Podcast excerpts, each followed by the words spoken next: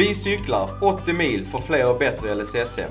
Längs vägen intervjuar vi en massa kloka människor. Detta är Funktionshinderbanan.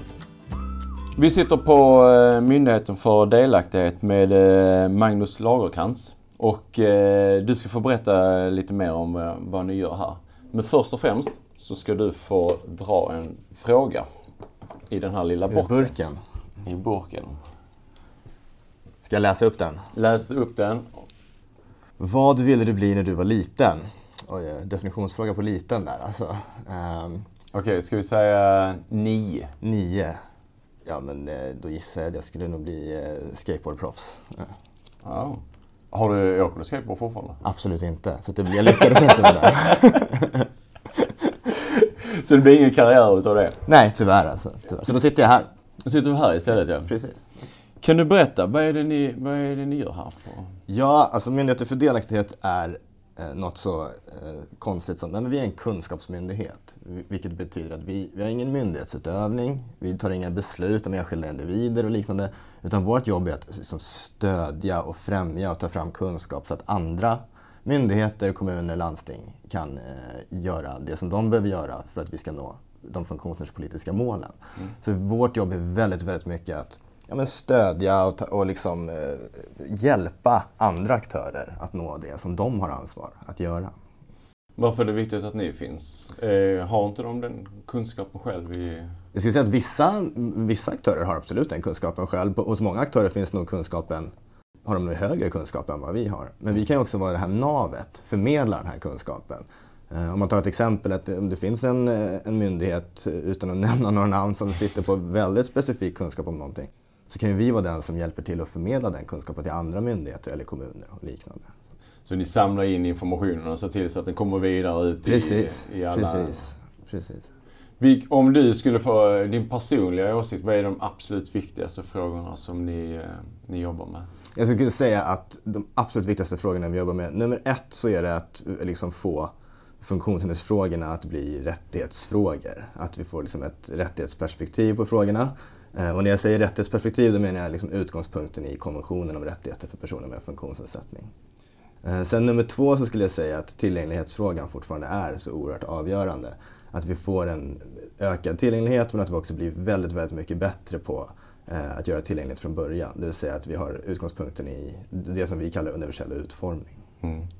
Jag har träffat på eh, några kollegor till dig eh, vid några tillfällen och de har pratat rätt mycket om digitala hjälpmedel.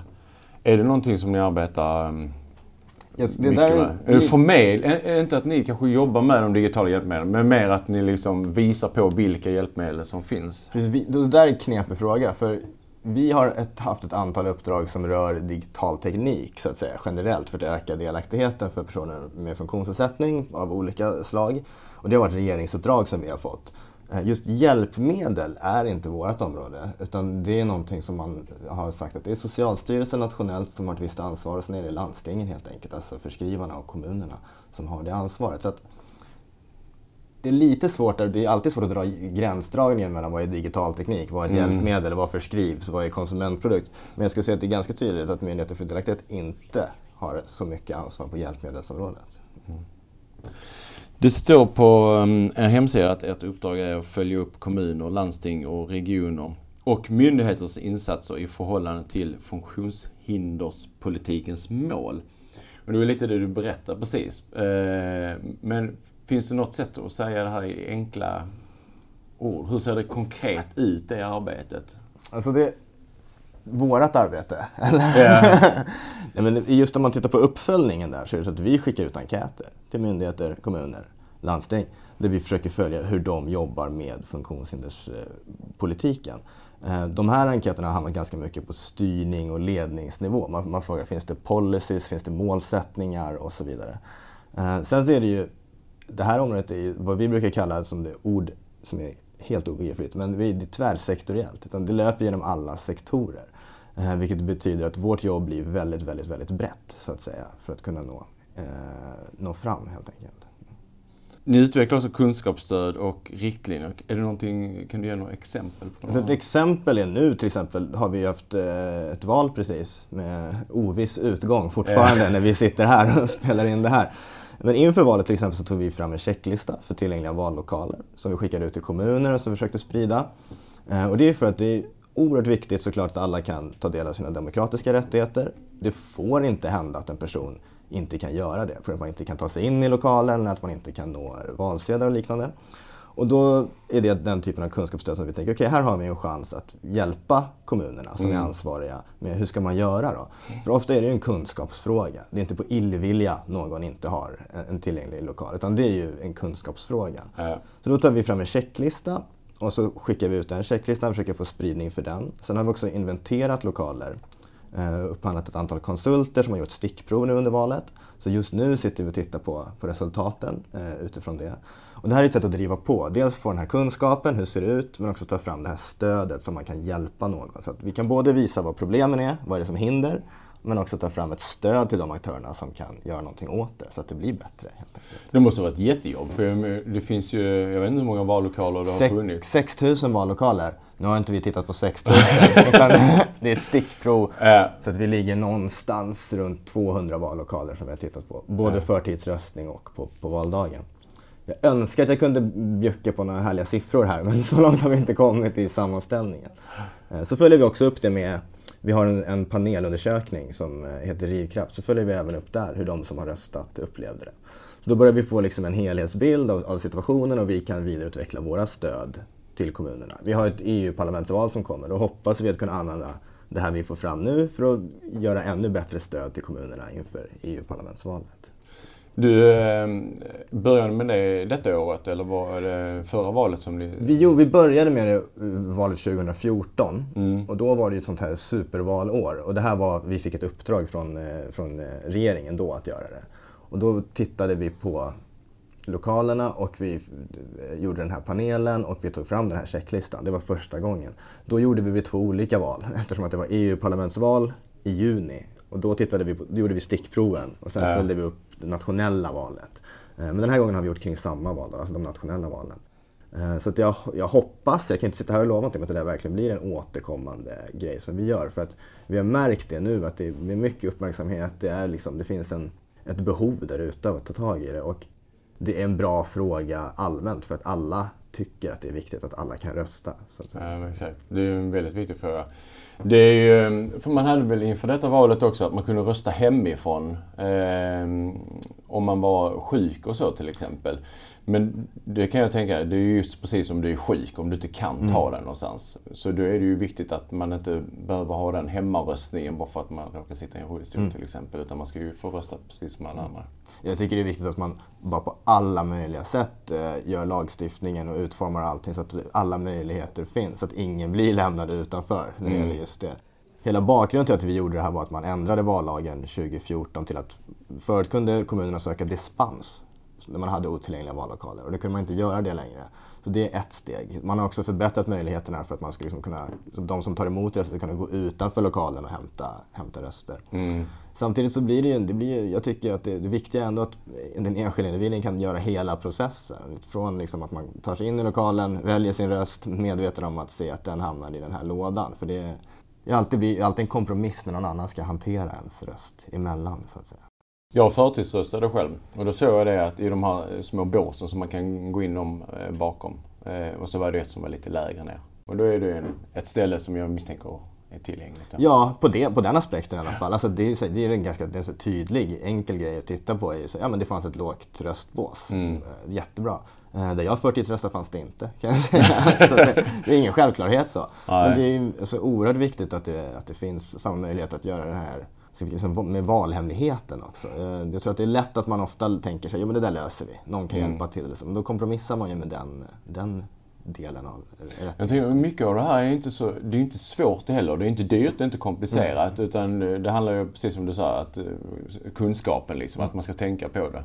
Så det, när ni väl är ute och informerar om det så måste det vara rätt så lätt att, att nå fram. Ja, alltså det finns två delar i det egentligen. Dels kan man säga att det är det är mycket, de små delarna kan man göra i själva vallokalen med röstskärmar och hur man placerar röstsedlar och, och mm. den typen av saker. Det är inte så ansträngande skulle jag säga. Däremot handlar det om att välja lokaler som är tillgängliga i grunden. Och, mm. och där tror jag att det kan vara svårare. Ja, men det kanske finns få lokaler som kommunen kan använda Eh, och, då, och det, och det handlar om att tänka till redan långt, långt, långt innan valdagen. Vilka lokaler väljer vi bort? Eller vilka lokaler väljer vi använda? För trösklar och ramper och mm. eh, ljudmiljöer och liknande, det är svårt att ändra på valdagen. Då är man ju oerhört begränsad. Ja. Så det är både ett enkelt, kortsiktigt saker man kan göra, men det är också många långsiktiga och, och liksom planeringsfrågor i det här för att vi ska få tillräckligt bra vallokaler. Nu just det med, du sa med ljudnivå och, och, och den delen. Ni har ju en checklista för tillgänglighet i byggnader. Där tar ni upp bland annat nedsatt rörelseförmåga, syn och hörsel. Men det finns ingenting om kognitiv tillgänglighet i den här checklistan. Är det någonting ni jobbar på eller funderar på? Ja. Det är ju just med liksom ljud och ljus. Och alltså vi jobbar ju hela tiden på att försöka finnas med i de, i de sammanhangen där man tar fram ny kunskap om tillgänglighet. Eh, sen så är det ju så att vi har ju kommit längre. på Vi har lättare för att eh, veta hur bred en dörr måste vara för att en rullstol ska ta sig igenom. Det känner att det finns mycket kunskap kvar inom i kognitionsområdet där, där eh, jag vet inte om, om det är någon som är den där superexperten egentligen. Jag skulle också säga att det finns nog en hel del saker i den byggda miljön som, är, som man tänker sig att det där är för rörelse, det där är för syn, men som också är bra ur kognitiv synpunkt. Ja. Till exempel ljudnivåer, då har man nedsatt hörsel så är det oerhört viktigt med ljudnivåerna. Alltså har man kognitiva nedsättningar så är det oerhört viktigt. Mm. Um, och det, det, är lite där vi hamnar i den här frågan om liksom universell utformning. Att försöka utforma för så många olika personer som möjligt oavsett funktionsförmåga. Mm. Och så. Men jag, jag, vet att det är svårt. Jag kommer ihåg vi satt, med en, eh, vi satt en gång och så diskuterade vi här internt och så skulle vi försöka hitta några enkla mått på tillgänglighet. Och då kan vi göra det när det gäller dörrar och ramplutning och även sådana saker på webben som är bra för att en, en skärmläsare ska kunna läsa. Och så frågade vi, ja, men har vi något som vi kan ta utifrån kognition? Liksom? Och då så var det någon som sa, ja men skyltar är ju viktigt. Skyltar, de ska vara, de ska vara tydliga och bra. Hur då? frågade vi. Ja men tydliga liksom. Det, man ska, ja, ja, men hur stora ska bokstäverna vara? Vilka, vilka färger ska det vara? Så där, där är ju, det är liksom, I tillgänglighetsfrågan så har vi ju längre kvar innan vi, innan vi är där. Ehm, däremot på webben så skulle jag säga, nu är inte jag expert på, på kognition, men där de riktlinjer och standarder som finns på webbplatser, de omfattar ju väldigt mycket kognition. Ja, där har man kommit rätt. Där har man kommit längre så att säga. Men jag tror att det också kanske, nu gissar jag, men det kanske också grundar sig i att på webben sitter vi, vi sitter på de här webbplatserna hela dagarna. Det är många av oss som blir trötta i slutet av dagen. Det börjar bli stökigt, det är svårhittat. Alltså man har ju försökt göra det så kognitivt enkelt på, på jättemånga webbplatser för att vi ska bli bra konsumenter till exempel, mm. när vi ska köpa skor eller boka biljetter och liknande. Så där tror jag att det finns en, nästan en, en kommersiell drivkraft i att det har blivit bättre utifrån kognitionssynpunkt. Ibland känns det som att, att det är det som kan driva det också. Att eh, det finns ett ekonomiskt intresse mm. som, som gör att man driver på det. Mm. Så ibland är det kanske inte, det är inte bara av undo liksom. Nej, nej absolut. Och det där, är ju, där önskar man att, man att vi var bättre på att räkna på. Att visa så här, exakt så här mycket, bättre skulle, mycket mer skulle du kunna sälja eller och så vidare. Men det är ju jättesvårt. Det, ja. det blir bara grova uppskattningar så att säga. Jag tänker även alltså, i boendet, alltså när man utformar ett, ett boende så är det ju med tillgänglighet. Det är precis som du sa, alltså, med rullstol och ramp och mm. alltså, allting det finns. Medan den kognitiva tillgängligheten i, när du bygger, alltså enligt lagar och regler, eh, tas inte hänsyn till. Eh, men även där skulle man ju kunna spara väldigt mycket. Och, tror jag, utifrån personernas välbefinnande. Ja, och det är ju absolut. ännu svårare att räkna på. Ja, absolut. Och sen, men man får tänka att någonstans så vill man ju kunna räkna på det och kunna säga också med åldrande befolkning och så vidare. Liksom, vi vet att funktionsnedsättningarna kommer att öka såklart med ålder. Det gäller väl eh, i väldigt hög grad utifrån kognition om man tittar på demenssjukdom och annat. Att man skulle också behöva titta till behovet att vi måste ha en ökad tillgänglighet i boenden. Även utifrån kognition med den demografiska utvecklingen som mm. vi har. Men som sagt, det är jättesvårt att räkna på, peka på. Och jättesvårt tror jag ofta att titta på den pott pengar man har framför sig just nu och, och tänka att så här, ja, okej, det här kommer generera någonting om tio år eller någonting. Äh. Så funkar inte jag rent privatekonomiskt. det, borde vara, det borde vara så man tänker även om det är svårt. Äh. Du, jag vet att eh, just boendefrågorna inte eh, ligger på ditt bord. Men har du några tankar kring? Det finns ju en enorm brist på boenden runt om. Eh, Boverket gick ut med en enkät och resultatet av det var att 54 procent utav alla kommuner i landet har brist på LSS-lägenheter. Mm. Har du någon tanke kring varför det är så?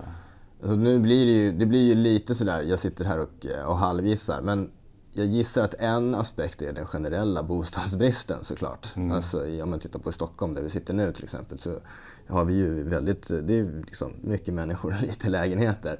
Alla vi som har bott i den här staden några år vet hur många gånger man får bo i andra hand och så vidare för att överhuvudtaget ha någonstans att bo. Eh, så det är ju klart att det kan påverka. Eh, men sen så tänker jag att man, man, det kan ju finnas en problematik att man, när man bygger boenden att man också missar lite det här som vi pratade om, alltså universell utformning helt mm. enkelt. Att man tänker att nu måste vi bygga x antal lägenheter för x antal, för y antal personer. Istället för att liksom, så här utformar vi våra lägenheter med bättre tillgänglighet i grunden så skulle fler personer kunna bo där även om man har liksom, behov av tillgänglighet. Eh, det är en möjlig variant. Men där rent varför det är en brist, det vet jag faktiskt inte. Jag har ingen aning om det. Finns det någonting som ni fokuserar eh, just nu på inom eh, boendefrågorna? Inte så specifikt så att säga. Det som, som du själv säger, det är ju Boverket som har mm. mycket ansvar utav det. Det som vi skulle, skulle kunna göra är att till exempel när vi tittar i uppföljning eller på kunskap, att liksom belysa en situation. Det skulle mm. vi absolut kunna göra. Och sen så tänker jag att mycket av det här Eh, någonstans. Det är, det är, lite så, lite aktuellt med upphandling och krav på tillgänglighet i upphandling just nu för att EU har eh, tagit fram ett EU-direktiv och sen så har man stärkt då att allting som ska användas av människor som det offentliga upphandlar, då ska man ha en tillgänglighetskrav i den specifikationen. Jag tänker att det är lite aktuellt och där är ett arbete som vi hoppas kunna ta tag i ganska mycket. För det är också en kunskapsfråga. Ja. Det är jättesvårt att veta vilka krav man ska ställa eller hur får man göra. Alla som har tittat i lagen om offentlig upphandling har vet att det är en lunta som heter duga. Liksom. Det är ja. som gula sidorna var ungefär. Eh, så det är ett jättesvårt område och där tänker jag att man också landar någonstans i att boenden måste ju också vara en upphandlingsfråga helt enkelt. Och hur man kravställer och hur man specificerar det som man köper.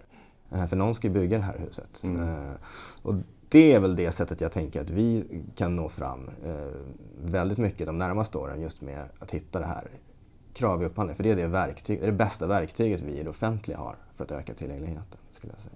Magnus, inom din, eh, din roll här på Myndigheten för delaktighet. Finns det någonting som ni har åstadkommit här som du känner dig extra stolt över? Jag förstår att det måste ju finnas hur mycket som helst. Du har ju ett drömjobb ur det perspektivet. Men är det någonting som du verkligen så här... Alltså det finns ju saker som man är extra stolt över. När du träffar nya människor? Jag, jag, jag är väldigt, väldigt stolt över till exempel att vi har haft den möjligheten att ta fram underlag till regeringen som har lett till att vi har ett nationellt mål för funktionsrättspolitiken som är kopplat till mänskliga rättigheter och, och till konventionen. Eh, jag också väldigt, tycker att vi har gjort väldigt bra arbete som kanske inte alltid syns. Men i det sättet som vi stödjer kommuner och myndigheter och liknande. Så att när en myndighet gör ett väldigt, väldigt bra jobb eh, så vet vi att då har vi funnits där i, i bakgrunden någonstans och stött och blött och eh, hjälpt till. Ja. vilket är väldigt bra. Det är ju lite så att, jag vet inte om Myndigheten för delaktighet alltid måste vara den mest synliga myndigheten. Utan det kanske är viktigare att eh, vissa kommuner syns eller andra myndigheter syns. Men att vi har gjort vårt jobb att få dem att göra sitt jobb. Är det så att, att ni verkar i det dolda lite? Absolut inte. Måste, man måste ju känna till oss och veta att vi äh. finns och vad vi gör för att vi ska kunna verka överhuvudtaget. Men jag, jag skulle säga att det nödvändigtvis inte är så att vi måste göra en massa saker bra. Utan det är nästan viktigare att andra gör en massa saker bra, men att vi har bidragit till det. Helt ja. Och då kan det vara allt ifrån att bara få upp ögonen för någon, en aktör som kanske aldrig överhuvudtaget har tänkt på att man har ett ansvar inom tillgänglighetsfrågan eller, eller funktionshinderspolitiken, till att liksom samverka och ta fram saker eller göra saker tillsammans med andra aktörer är också, tycker jag, oerhört viktigt. Att man, att man hjälps åt, för vi, det är många myndigheter i Sverige, många med liknande uppdrag, vi har många som har sådana här tvärsektoriella uppdrag som jag skulle kalla det. Vi har fått en jämställdhetsmyndighet till exempel nyligen. Och det är ju oerhört viktigt att vi alla samarbetar så att det blir eh, bra och effektivt när vi till exempel ska stödja kommuner eller andra. Mm. Är, det, eh, är det något kommande projekt som du kan berätta om som du tycker är spännande? Alltså, vi har ett, ett uppdrag just nu som går ut på att vi ska stödja eh, Sveriges alla länsstyrelser och stödja dem, för länsstyrelserna ska stödja kommuner och landsting i genomförandet av de funktionshinderspolitiska strategier som finns ute i landet och, och i tillgänglighetsfrågan och liknande. Och det här ser jag som helt avgörande, för vi är 40 personer här. Vi kan aldrig vara ute och stödja 290 kommuner, 21 landsting och vad det nu finns, ungefär 300 myndigheter om man räknar domstolarna. Och då är ju länsstyrelserna helt avgörande för att de är ju den här kopplingen mellan nationell politik och regional och lokala förhållanden. Mm. Så det här ser jag som helt Eh, centralt att vi lyckas stötta upp länsstyrelserna och bygga den här strukturen i landet som gör att det finns ändå 21 stycken stödjande myndigheter, det vill säga länsstyrelserna ute i landet som kan hjälpa kommuner och landsting eh, och, och, komma framåt helt enkelt. Så det ser jag som det absolut inte. Jag ska inte, jag ska inte sitta här och värdera så är det viktigaste vi gör. Men det är, väldigt det är lite nytt helt enkelt. För länsstyrelsernas roll har inte varit så tydlig. På andra områden har den varit tydligare. På jämställdhetsområdet, eh, när man har pratat eh, integrationsfrågor och liknande. Eh, så det är nytt och det kommer bli bra och jag hoppas. Det kommer löpa lite över två år till eh, och jag hoppas verkligen att det blir en superframgångssaga och att eh, kommunerna och landstingen får ett stöd som de aldrig har kunnat få tidigare i de här frågorna. Det låter som att det skulle kunna ge en enorm effekt. Vi hoppas det. Sen mm. så får man se. Liksom, sen är det ju som det alltid är. Det låter som att man bara säger samma saker men det är 290 olika kommuner. De är olika stora, ligger på olika ställen. Det är jättestor skillnad på de här länsstyrelserna. I ja. vissa län finns det 49 kommuner och i andra finns det 9. Det kanske finns ännu färre. Så det gäller att hitta bra generellt stöd men också hitta det här specifika som kan underlätta för just den kommunen eller det landstinget. Nu när vi trampar vidare så kommer vi att få träffa några av de här kommunerna och några politiker. Har du något tips som vi kan eh, förmedla vidare till dem om eh, delaktighet? Alltså tipset är ju någonstans att inte se på funktionshinders och tillgänglighetsfrågan som en särfråga. Det inte är endast en fråga för byggnadsnämnden eller socialnämnd slash förvaltning. Utan att det är en fråga om mänskliga rättigheter och att de behöver se till att alla medborgare är delaktiga i sina kommuner.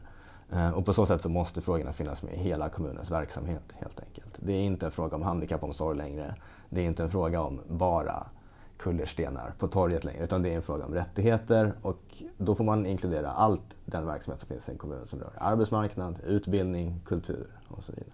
Jag berättade ju det innan vi började inspelningen av podden att vi träffade ehm, Ge makten vidare mm. som är ett eh, FUB-projekt. Mm. Då träffade vi Pia och eh, Busse. Vi frågade dem om de hade någon fråga till dig. Ja. Och det hade de.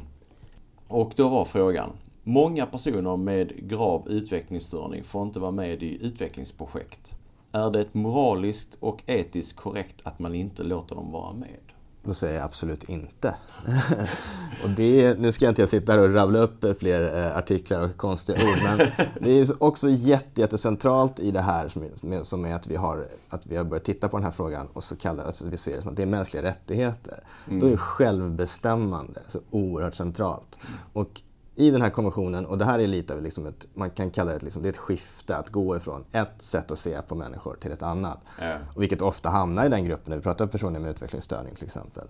Att gå ifrån att man tar ställföreträdande beslut. Det har varit mycket beslut som tas åt de här personerna genom historien.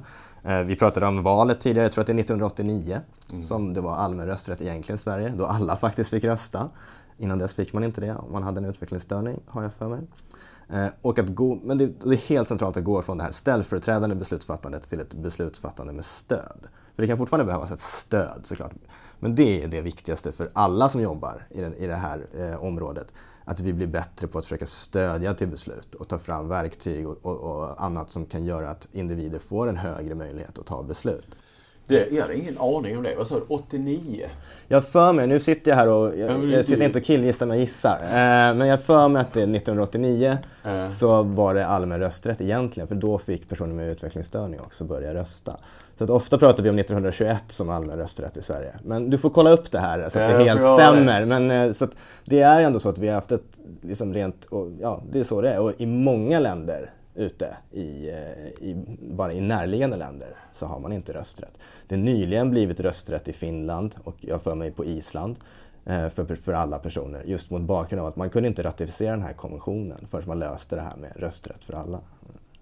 Det är rätt galet egentligen. Alltså, ja. det är ju inte så länge sedan. Nej, det är, vad blir det? 20 år sedan? Eh, lite drygt. 30. Kanske. 30 blir det. Ja. Ja, huvudräkning är inte starkare. Eller det är jag som inte vill erkänna att folk som födda på 80-talet börjar bli gamla. du Magnus, eh, vi ska träffa Elisabeth eh, Wallenius som ordförande för eh, funktionsrätt mm. eh, i nästa avsnitt. Mm. Har du någon fråga som vi kan eh, skicka vidare? Hmm. Som du vill att hon ska svara på? Jag, jag, jag tänker att ni skulle fråga eh, henne hur hon ser på vart funktionshindersrörelsen kan göra mest effekt för att de här frågorna ska få genomslag. Eh, det tycker jag är intressant. Det ska vi gärna göra. Magnus, ett fantastiskt stort tack. Tack själva. Det har varit eh, fantastiskt lärorikt och kul att prata med dig. Tack så mycket. Tack. Funktionshinderbanan presenteras i samarbete med Emrahus, Trident, Hemfosa, Nordic Choice och psykolog Bo Hellskov, LVM.